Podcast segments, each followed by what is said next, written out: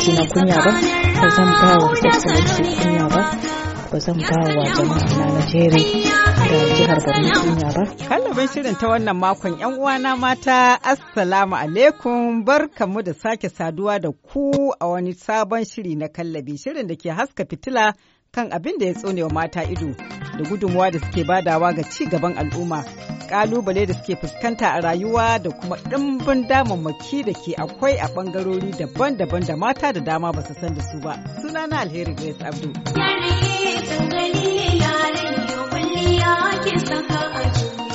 Karata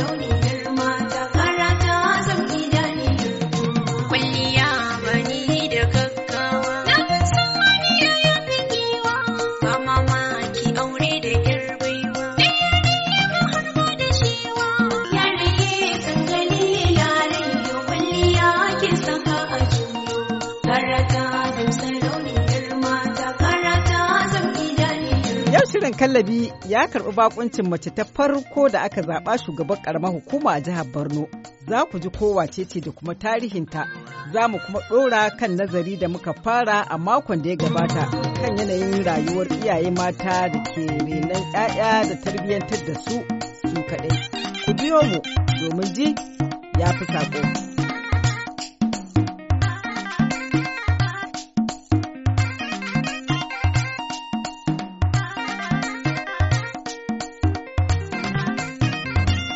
To kafin mu kai ga hiranmu da kallabinmu ta mako bari mu ɗora kan nazarin da muka fara makon da ya gabata dangane da yanayin rayuwar mata da ake bari da 'ya'ya ko dai bisa dalilan rasuwar mazajensu ko kuma mutuwa aure lamarin da ke barin tabo a rayuwar iyayen mata da kuma 'ya'yansu ko da kuwa sun samu ci gaba a rayuwa. cikin zauren namu akwai hajiya rabi muktar hajiya sa'adatu abdulmumini hajiya saratu umar da kuma malama amina ahmad. Yawanci za a mutu za a bar za a baki da yaya. Ba dangi ɗaya da zai zo da zai taya ki ce bari mu tallafa mishi. Wallahi na san wani labari baban ya rasu. Bayan shekara kamar biyar uwar ta zo ita ma ta rasu. Sanda uban nan ya rasu kanin shi yana taya ta kulawa da 'ya'yan. Amma a gidan da suke ita take kula da 'ya'ya mata biyar take da su duk 'yan mata.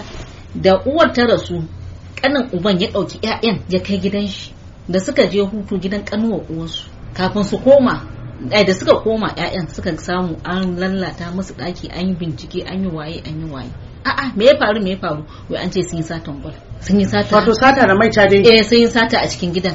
Wallahi haka kanin nan ba shiri haka nan ya watso 'ya'yan ya maida ma yar uwarsu. Allah ya ba mu yar uwan nasu miji. Ya sa su makaranta ya kula yana kula da su yana kaza yana kaza yana kaza. To yau a ce mijin yar nan yau ya faɗi ya mutu wa zai ci gaba da ƴaƴan nan? Yar uwan nan sai kuma a zo a ce wai yar mace? Fi sabilillahi. Ai darajar mamacin suka samu har suka je wani gidan. sai har suka je wani gidan. To gode tun da gashi sun je gidan namijin ba su samu ba. To mace dai kowane fanni aka je dai kowane aka ce aka tarkato bolan dai kanta yake. Malama saratu zaka ga yawanci matan zaki ga sun bar gidan mijin nasu wato aure ya mutu ko kuma ta dalilin baban ya'yan ya rasu za ki ga ta zauna a gida ta kasa sake wani aure. Ɗaya daga cikin kalubalen da mata suke fuskanta kenan saboda ba ta son ƴaƴanta su je su agolanci a wani gida ko kuma ta bar su ita ta je wani rayuwar wani aure rayuwar su ya samu tasgaro. Mata suna samun wannan matsalar suna shiga cikin wannan matsalar na da su je wani wurin ga 'ya'yan ƙanana ne gara sun zauna a gidan sun zauna a gidan iyayensu sun fuskanci tarbiyyar 'ya'yansu har su girma. Akwai matan da za ta ga dalilin ko mutuwar mijin ko rabuwan aure misali ko miji ya gudu don akan samu wannan. Yana da rai kawai sai a neme shi a rasa ya bar garin. To ana samun wannan. Da mace ta je ta agolanci ma yaranta a wani gida gwamnati tsaya ta kula da 'ya'yanta saboda ana samun wannan matsalolin da yawa na gorace-gorace ma. Idan kika ɗan kika tafi da shi eh ke kina son ki auren kuma ba mai riƙe miki ƴaƴan kin tafi da ƴaƴan wani gidan. Shi mijin his willing yana da niyan ya riƙe miki ƴaƴan a je ga cewa mijin na so ma riƙe miki yaran. To ta fannin dangin shi akwai wani karubala ba dama ɗanki abu agolani agolani kin gane wannan? So gwamnati tsaya ta riƙe ƴaƴanta ta kula da tarbiyyansu da ta kai su wani wuri can daban. Wani lokaci kuma ko da da ƙuruciyarta. Kuna sosai kuwa sosai kuwa saboda yanzu kamar yadda malam Amina ta ce zumunci ne yanzu ya zama wani dai sai la haula wala quwwata kawai. Saboda dangin suna kallo amma ba za su ɗauki ɗawainiyan ba. Sai ana duba a ga me ya bari. Kamar ɗazu aka faɗi cewa idan inda a ce ilimi arziki ne abin da ake hari kawai shine a zo a babakere akan dukiya. A'a ni zan ɗauki wani zan ɗauki wani saboda a ba su wannan dukiya. Kuma da zaran dukiyan ya ƙare wallahi shi kenan ba za a sa ido a kula da tarbiyyar ɗa ba a kula da tarbiyyar shi cin shi shan shi da suturan shi ba. Gaskiya ana samun wannan matsaloli da dama. To malama amina kamar yadda muka fara magana nan tun farko cewa wani lokaci akan jefi 'ya'ya da kalmar tun da uwarsu ce ta riƙe su a matsayin 'ya'yan mace yar mace yar mace yar mace wanda wani lokaci yake ga har yana taba zamantakewar auren su ma'ana takan kasa samun miji na gari dan duk wani nagari zai ce to tunda mace ne ta haife kan ma in shiga gidan da zan samu larura. Kila ba tarbiya saboda a iya tunanin suna tunanin tunda mace ce ta riƙe su babu kwaba. A gaskiya wannan kalmar ba daidai ba ce. Kwaba ba inda za a samu tarbiyya mai kyau da ya wuce hannun ya mace wa don duk wani tarbiyya a ƙarƙashin ta za a same shi. Har namijin kai mijin kanshi ita take ma tarbiyyantar da namiji. Saboda yanzu duk yanda kika daura mijinki akan abu a haka za a tashi. In kin nuna kin bar shi ya wulaƙanta ki ma a haka zai ta wulaƙanta ki a auren ya kare in har kika nuna wulakanci da zaki ɗauke shi ba dole ya sassauta. Inda yana son zaman auren. To tarbiyya ko da kuna tare fa da miji suna ne za a ce wai ‘ya'ya ba a ce musu ‘ya'yan ‘yar mace ba saboda ubansu na tare da uwarsu. To tarbiyyar wa ke yi a gidan ko da kana tare da baban? Na ɗaya dai namiji maza yawanci kuma ya san suka fita tun safe sai bayan magarba. Masu dawa da wuri su ne 5 ko 6 wato an tashi aiki mun tashi. dawo. To wannan wunin da kika yi da yaran ba a nan suke samun tarbiyyar ba? To ta ina kuma dan yau babu baban nan sai a ce kuma wai tarbiyyar ta lalace a hannun gidan ki ya mace? To da kuke taron kenan wa ke tarbiyyantar da su? Shi yake tarbiyyantar da su? Da daddare kenan ake tarbiyyar ai wa'yan suna ke ga ko sun dawo ba su lura ma me ake ciki ba ma. Ya gaji ma bai wuce ci abinci ya yi daki sai bacci. To da sassafe wasu ma kan su tashi bacci uba ya fita. akwai yaran da sai su ce wai sun kusa sati ma ba su ga ubansu ba. Ni na ga waɗannan yaran. Muna magana da su suke cewa sun kusa sati ɗaya ba su ga babansu ba. Nace ya haka yake faruwa? Wai yana dare su kuma sun yi bacci.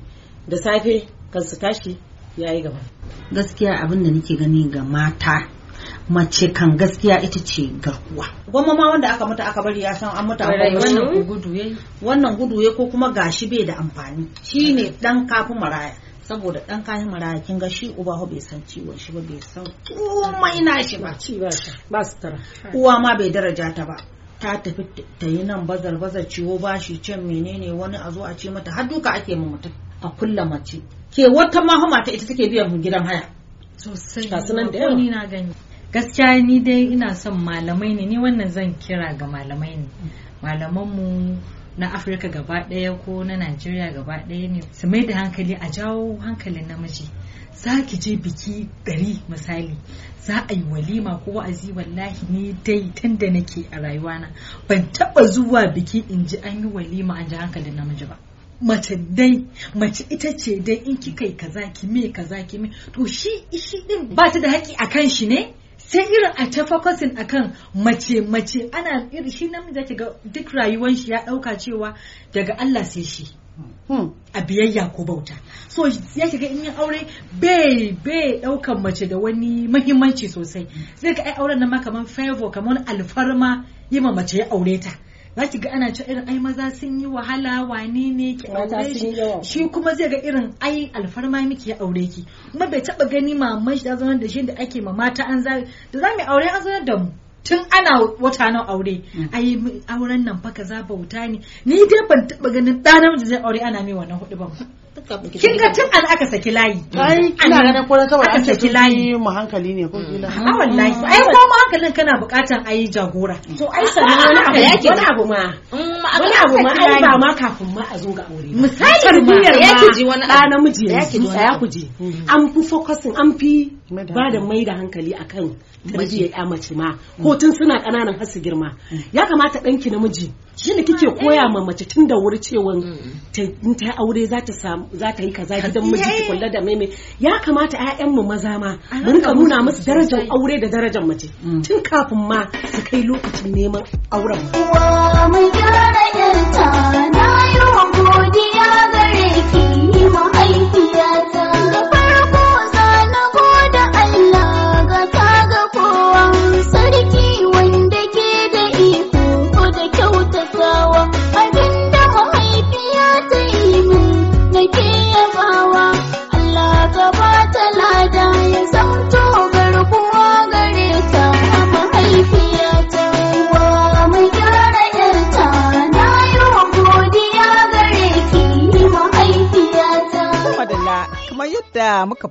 gabatarwa. Yau kallabinmu ta mako wata mace ce da ta yi tarihi kasancewa ta macen farko da aka zaɓa a matsayin shugaban ƙaramar hukuma a jihar borno. Waka aka ce a bakin mai ita tafi daɗi. Ga kallabinmu ta mako. Sunana dai honorable inna galadima cikakkiyar yar jere ce na jihar borno nigeria.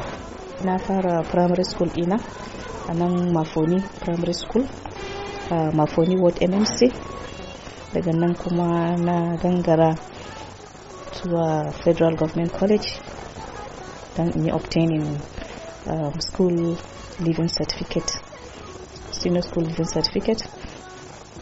A federal government college maiduguri. Daga nan kuma sai na gangaro university of maiduguri inda na yi obtaining bsc in accountancy. Sai kuma na sake shiga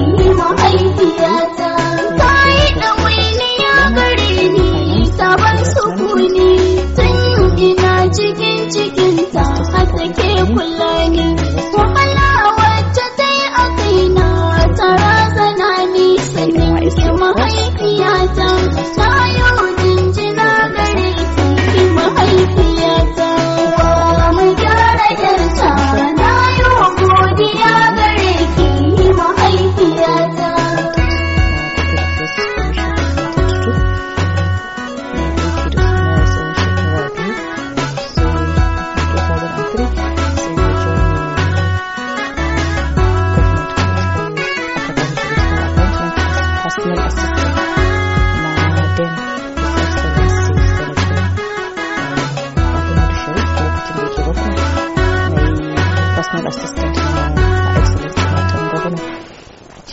Ali Sharif.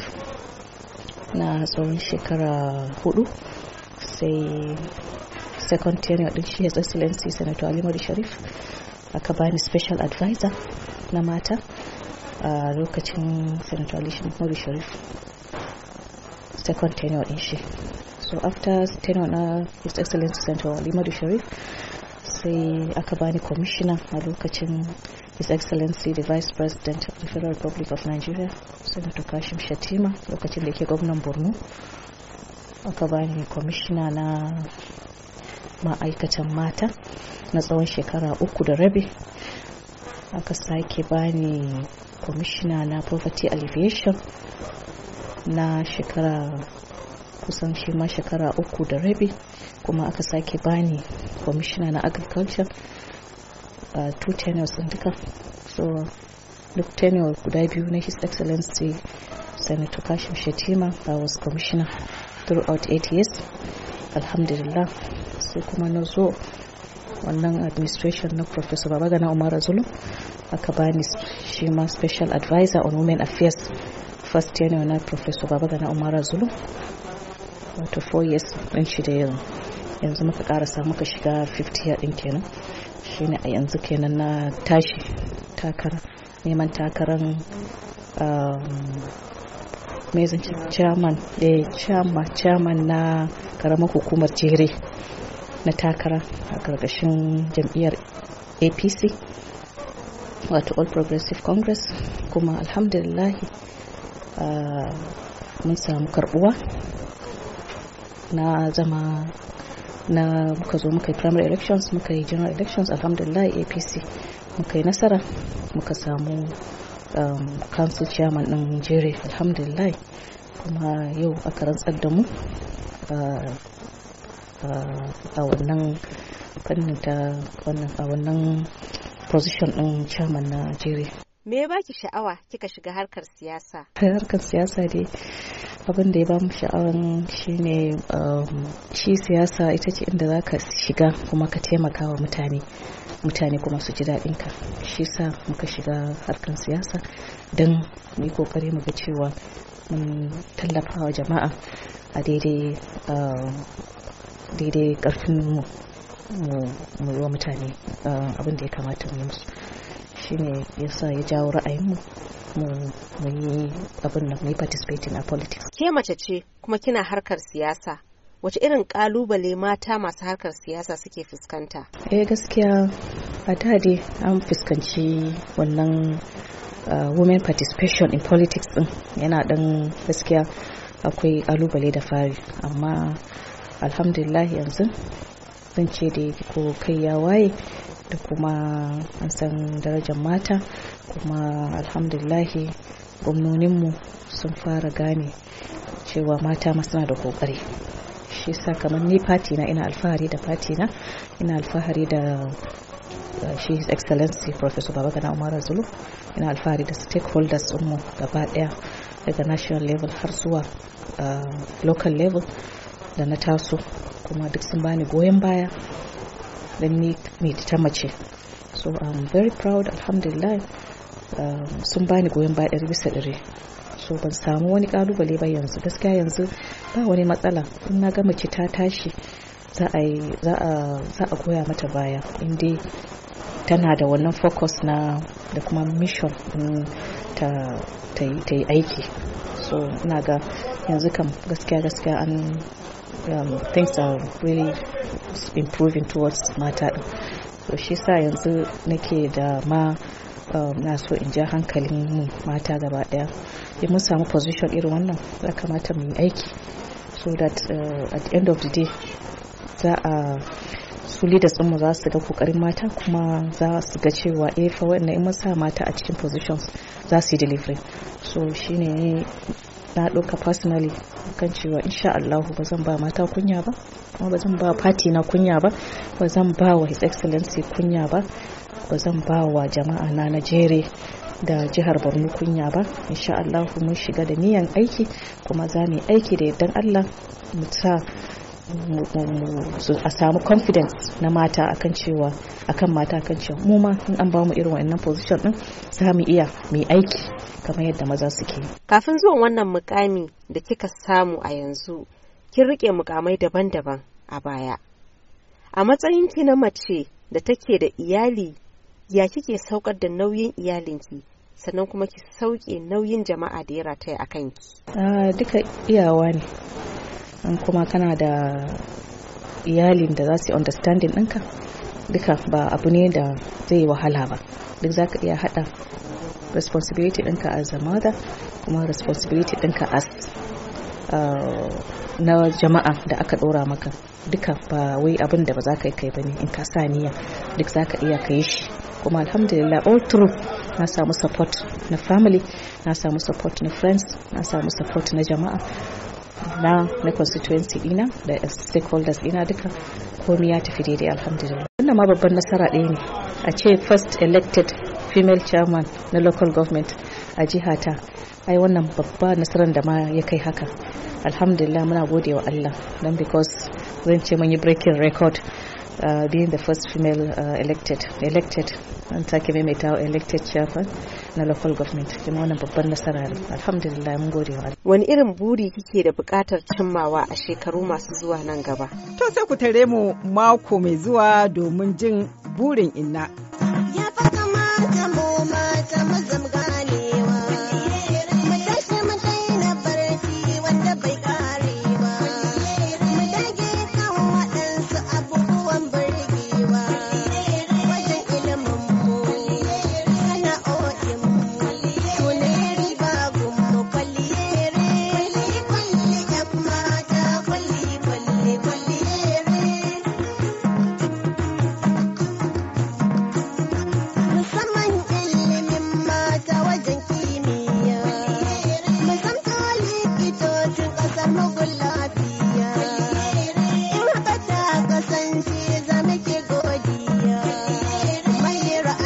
Uwar gida, Ke ma kina iya shiga shirin domin ba da gudunmuwarki ga ci gaban harkokin mata. Masu iya magana suka ce, hannu ɗaya baya ɗaukar jinka. Muna godiya ta musamman ga wakilanmu Binta Ibrahim a Kaduna garin gwamna da kuma Husaina Muhammad a jihar Borno da suka ba da gudunmuwa ga nasarar shirin na wannan makon. A madadin su duka, ni alheri ke cewa Allah tabbatar mana da alherinsa. Ya